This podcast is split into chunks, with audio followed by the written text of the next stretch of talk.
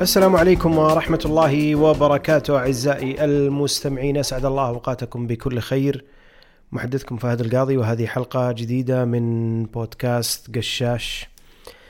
اليوم راح أتحدث عن ثلاث نقاط آه، مهمة ويعني لها علاقة بالشأن المحلي وبكرة القدم المحلية.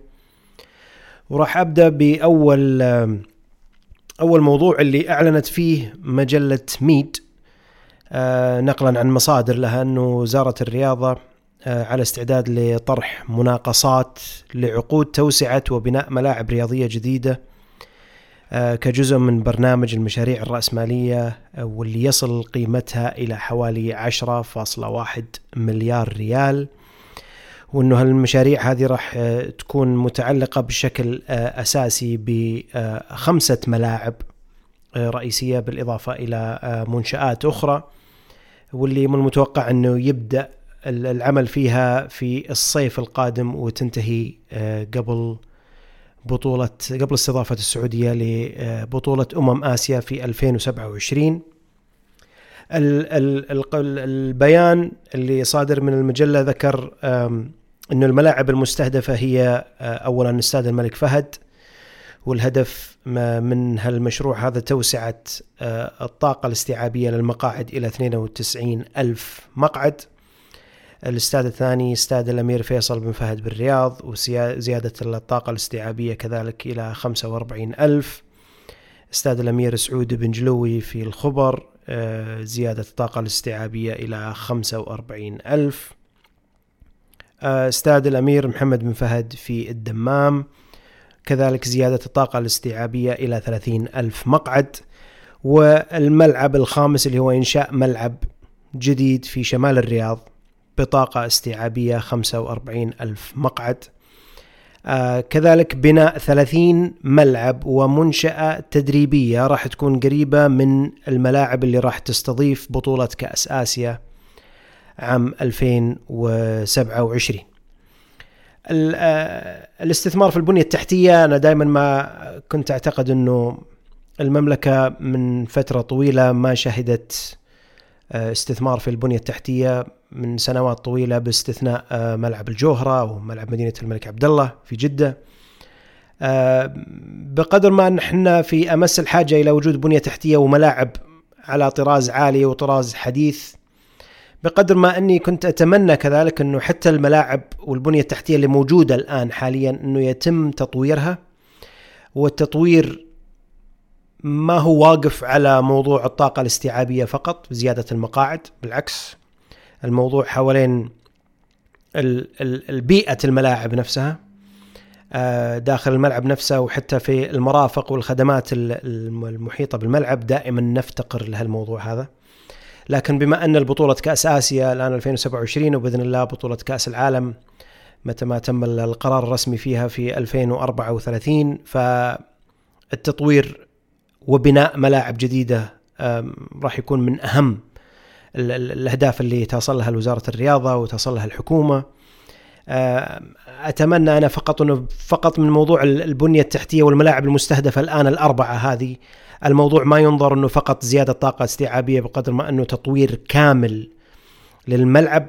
آه، الكل شهد مباريات في ملاعب كثيرة قد يكون الأغلب منها يعني ما يحمسك إنك تجي قبل المباراة بفترة يعني معقولة ولا والله بعد المباراة تجلس في الملعب أو حوالين الملعب لعدم توفر مرافق عدم توفر خدمات يعني الملاعب في أوروبا الناس يجونها قبلها بساعتين وثلاث ساعات ويطلعون بعدها بساعتين وثلاث ساعات لوجود مطاعم وجود مقاهي آه، وجود متاحف وجود يعني خدمات كثيرة الواحد ممكن يستغلها. هذا بالإضافة إلى داخل الملعب وجود يعني بعض الخدمات حقت الضيافة وال boxes وال lounges اللي موجودة هناك اللي يعني تخلي بعض الجماهير اللي مهتمة بالموضوع هذا تكون موجودة من وقت مبكر وتصرف فيها مبالغ تعود الفائده فيها على آه، سواء مالك الملعب أو حتى المشغل الملعب إذا هو له علاقة فيه أو الأندية أو غيرها.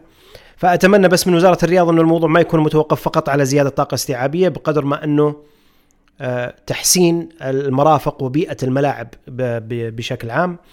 وكذلك التفكير في موضوع مصير الملاعب هذه بعد انتهاء البطولات. بعد انتهاء بطولة كأس آسيا وكذلك بعد بطولة كأس العالم الله يلحقنا خير في 2034 مصير الملاعب هذه الجديدة والمحسنة وكذلك المنشآت التدريبية اللي راح راح تنشأ. هذه راح يكون مصيرها إيش بعدين؟ هل راح يتم نقلها للأندية؟ هل راح تستغل آه، بطريقة أو بأخرى؟ أتمنى الأندية تكون هي القادرة على أنها تملكها بطريقة أو بأخرى أو تشغلها بطريقة أو بأخرى عشان تستفيد منها من ناحية آه، إيرادات تجارية ولو حتى لو أجرت للأندية يعني مبالغ رمزية على الأقل الوزارة تطلع من الموضوع هذا وتطلع من من صيانتها والنفقات اللي راح تكون فيها ويعني الأندية تستفيد منها وتقدر تطورها آه، بالشكل الأمثل. أتمنى إن شاء الله إنه يكون هذه بداية موضوع تطوير البنى التحتية وتحسينها في في المملكة. آه، وإن شاء الله يكون على الأقل يعني الحضور الجماهيري أو تحسين البيئة الملاعب هذه يعني تزيد من الحضور الجماهيري وتزيد من من متعة النقل التلفزيوني لهذه الملاعب وخصوصا لو يعني كانت متوافقة مع يعني إنها تكون ملاعب كرة قدم فقط آه، ما فيها مضمار ما فيها يعني أمور تكون مخصصة لكافة الألعاب أو إنه يكون ملعب آه، أولمبي.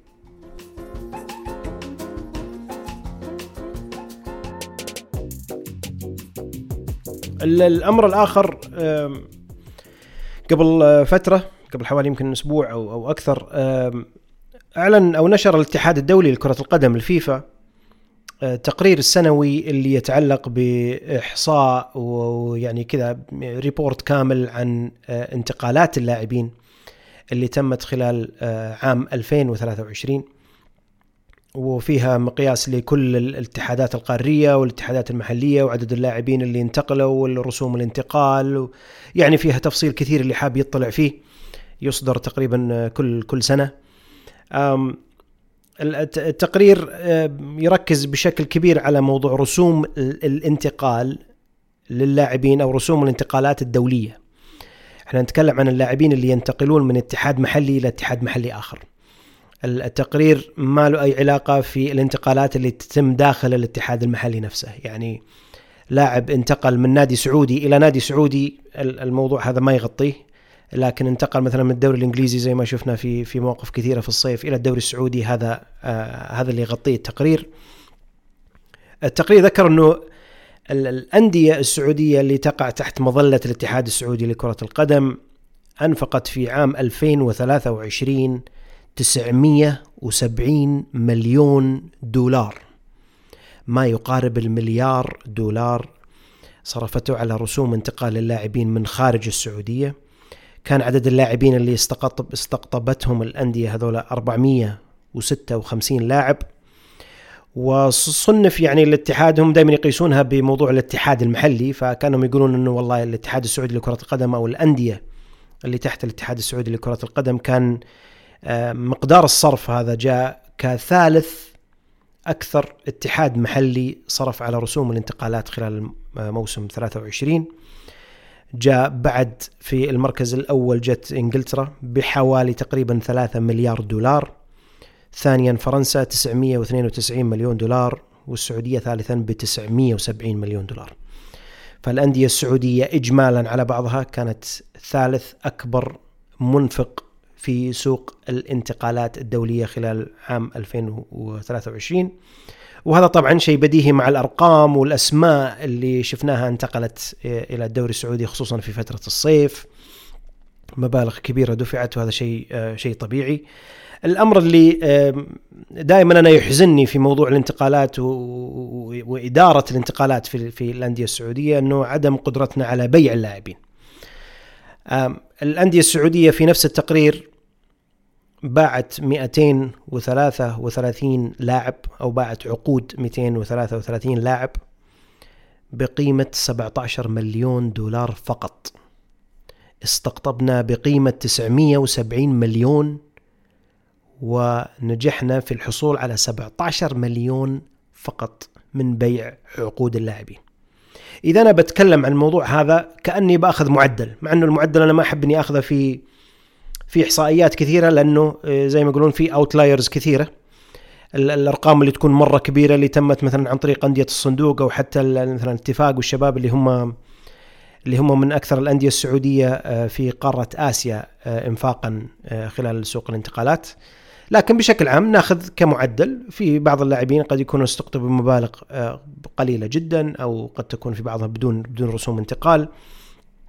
لكن معدل قيمة استقطاب اللاعب الواحد خلال 2023 للأندية السعودية بلغ قيمته تقريبا مليونين دولار أكثر شوية من مليونين دولار. معدل قيمة البيع لعقود اللاعبين اللي راحوا نتكلم عن 72 ألف دولار فقط. معدل ضعيف جدا جدا وهو اللي دائما أنا يفتح لي مجال أنه عندنا قدرة إذا صار في ضخ أموال أن نستقطب لاعبين. لكن لا نملك أي قدرة في بيع اللاعبين خارج المملكة. لا نملك القدرة على تطوير مواهب اللاعبين وبيعهم خارج المملكة سواء كانوا سعوديين أو غير سعوديين. سواء استثمرت في لاعبين أجانب صغار في السن ما عندنا قدرة على بيع اللاعبين. دائما أغلب وهذا الشيء المحزن أغلب الانتقالات اللي تصير من عندنا إلى الخارج تكون غالبا مخالصات مالية. اللاعبين الأجانب اللي يغادرون الأندية كلها مخالصات مالية. أغلبها تكون فيها مشاكل مشاكل توصل للفيفا توصل للكاس. للأسف ما عندنا القدرة على تسويق اللاعبين بالطريقة المطلوبة وهذا أمر أنا أعتقد إنه مهم جدا النظر فيه. ودائما كنت أتكلم إن الكرة السعودية يبغى لها وقفة وتكلمنا آخر مرة مع خروج المنتخب إنه نحتاج وقفة والوقفة هذه من ضمنها قدرتنا على جذب اللاعبين اللي تكون يعني قيمتهم قابلة للارتفاع بشكل كبير متى ما وفرت لهم البيئة المناسبة للتطوير داخل النادي والبيئة المناسبة في الدوري إنه يظهر الدوري أمام الجميع وبمستوى فني عالي واللي أنا أعتقد ما زلنا نفتقده حتى الآن حتى مع وجود النجوم عشان ترتفع بقيمة الدوري الفنية لابد من عوامل كثيرة جدا ما هي واقفة فقط على المادة وعلى استقطاب اللاعبين بالمبالغ الكبيرة هذه.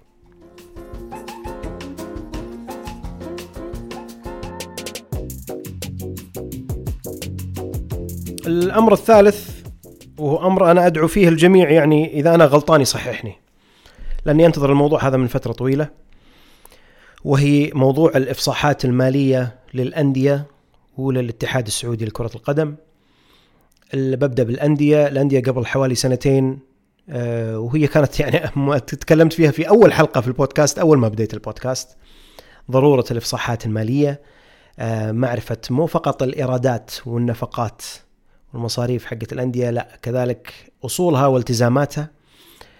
بدينا قبل حوالي سنتين بيعني أرقام يعني بسيطة جدا.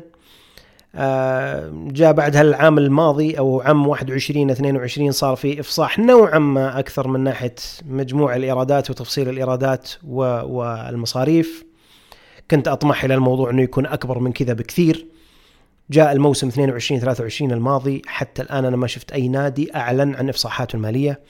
وأرجع وأقول أرجو اللي شافها يخبرني لو تكرمتوا لأني حاولت إني أتابع كل الأندية وإفصاحاتها ما لقيت أي شيء. وفيها علامة استفهام هذه كبيرة لأنه أغلب الأندية كانت تعلن عن على الأقل الإيرادات والمصاريف. نتكلم في شهر ثمانية في شهر تسعة بحد أقصى بعد نهاية السنة المالية في 30 يونيو. ما أحد. أعلن هذا قد يفتح علامة استفهام كبيرة على موضوع إنه والله في إخفاء لمبالغ قد تكون لو ظهرت لشارع الرياضي راح تكون عليها علامة استفهام كبيرة خصوصا مع الصرف الكبير اللي يضخ في الأندية ومجموع الإيرادات اللي تدخل للأندية اللي جاية من الوزارة عن طريق دعم. فإحنا نتكلم دعم إيرادات ونتكلم عن دعم مصاريف. فقد يكون يعني لم يتم الإفصاح لأسباب مختلفة أنا ما أدري عنها لكن للأسف حتى الآن أنا ما شفت ولا حاجة ما شفت ولا إفصاح من الأندية. وخصوصا في الوقت هذا اللي نحتاج أنه يكون في شفافية مالية ونعرف فعليا اللي يبي يقيم الأندية يبي يقيم إيراداتها ومصاريفها وأصولها وقيم عقود اللاعبين والتزاماتها المالية. ما يكفي موضوع أنه والله شهادة كفاءة مالية وأنه خلال الفترة الفلانية النادي يلتزم بكافة يعني المستحقات اللي عليه. أنا بشوف الالتزامات اللي عليه خلال سنة أو أكثر من سنة. أبي أشوف الإيرادات اللي جايتها شلون تفصيلها. أبي أشوف قيمة عقود اللاعبين وأصول الأندية وما تملكه من أصول اللي تساعدها على توليد يعني إيرادات أكثر. هذه حتى الآن للأسف ما أعلنت. زي ما قلت كنت أتوقع إنه في أوغست ولا في سبتمبر زي ما كان في العام الماضي. حتى الآن إحنا في شهر فبراير ما أعلن شيء. آه كذلك بالنسبة للاتحاد السعودي لكرة القدم الاتحاد السعودي حتى الآن ما أعلن عن قوائمه المالية. عادة يعلنها في شهر أكتوبر زي العام الماضي وكان فيها تفصيل وتفصيل كان آه جيد ويعطي يعني فكرة سواء اتفقنا أو عرضنا على طريقة عمل الاتحاد السعودي لكن على الأقل فيها إفصاح تبين يعني بعض الأمور اللي تستحق النقاش. موسم 22 23 حتى الآن ما أفصح الاتحاد السعودي على الأقل في موقعه. آه، كما هو يعني مذكور آه، ميزانيات 21 وميزانيات 22 للأسف ميزانية 23 حتى الآن ما أعلنت ولا أعرف ليش كذلك ما أعلنت. آه، فهذا شيء يعني صراحة محزن لأنه يعني أنا شخصيا استبشرت خير إنه بدأ موضوع الشفافية المالية والإفصاحات للانديه والقطاع الرياضي كل ما لها شوي شوي تأخذ يعني ولو إنها خطوات بسيطة إلا أنها على الأقل فيها إفصاحات نوعا ما. فجأة نجي الموسم هذا لا الأندية تعلن ولا الاتحاد السعودي يعلن. وكأن الموضوع في شيء يعني آه، خفي أو آه، قد يكون أن الموضوع صار ما هو مهم الآن. وهذه كذلك تحط علامة استفهام أنك إذا بديت شيء على الأقل نكمل فيه. وهذه من ضمن المشاكل اللي عندنا في الرياضة السعودية بشكل عام. إنه يعني نبدأ مشروع ولا نبدأ فكرة ولا نبدأ مبادرة معينة وبعدين فجأة بس كذا توقف. يعني بدون بدون ذكر أسباب ما ندري ليش.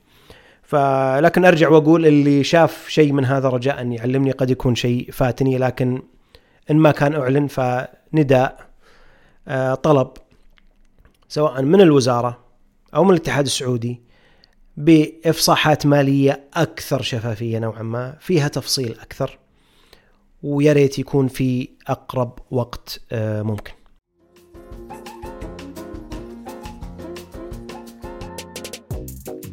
ختاما أعزائي المستمعين شكرا آه، جزيلا لكم على حسن استماعكم وعلى متابعتكم للحلقة. إن كان عجبكم محتوى قشاش بما فيه من أمور آه، مالية ورياضيه وفنية أرجو منكم التكرم بمتابعة وتقييم البودكاست على آه، منصات أبل بودكاست وجوجل بودكاست وسبوتيفاي وإذا كان في أي اقتراحات أو تعليقات على المحتوى سواء آه، في حساب قشاش على آه، منصة إكس أو كذلك البودكاست نفسه. أرجو منكم التكرم ومقترحاتكم. آه آه كذلك أتمنى منكم جميعا متابعة حساب قشاش على منصة إكس at قشاش network. تقبلوا تحياتي جميعا. دمتم في رعاية الله. والسلام عليكم ورحمة الله وبركاته.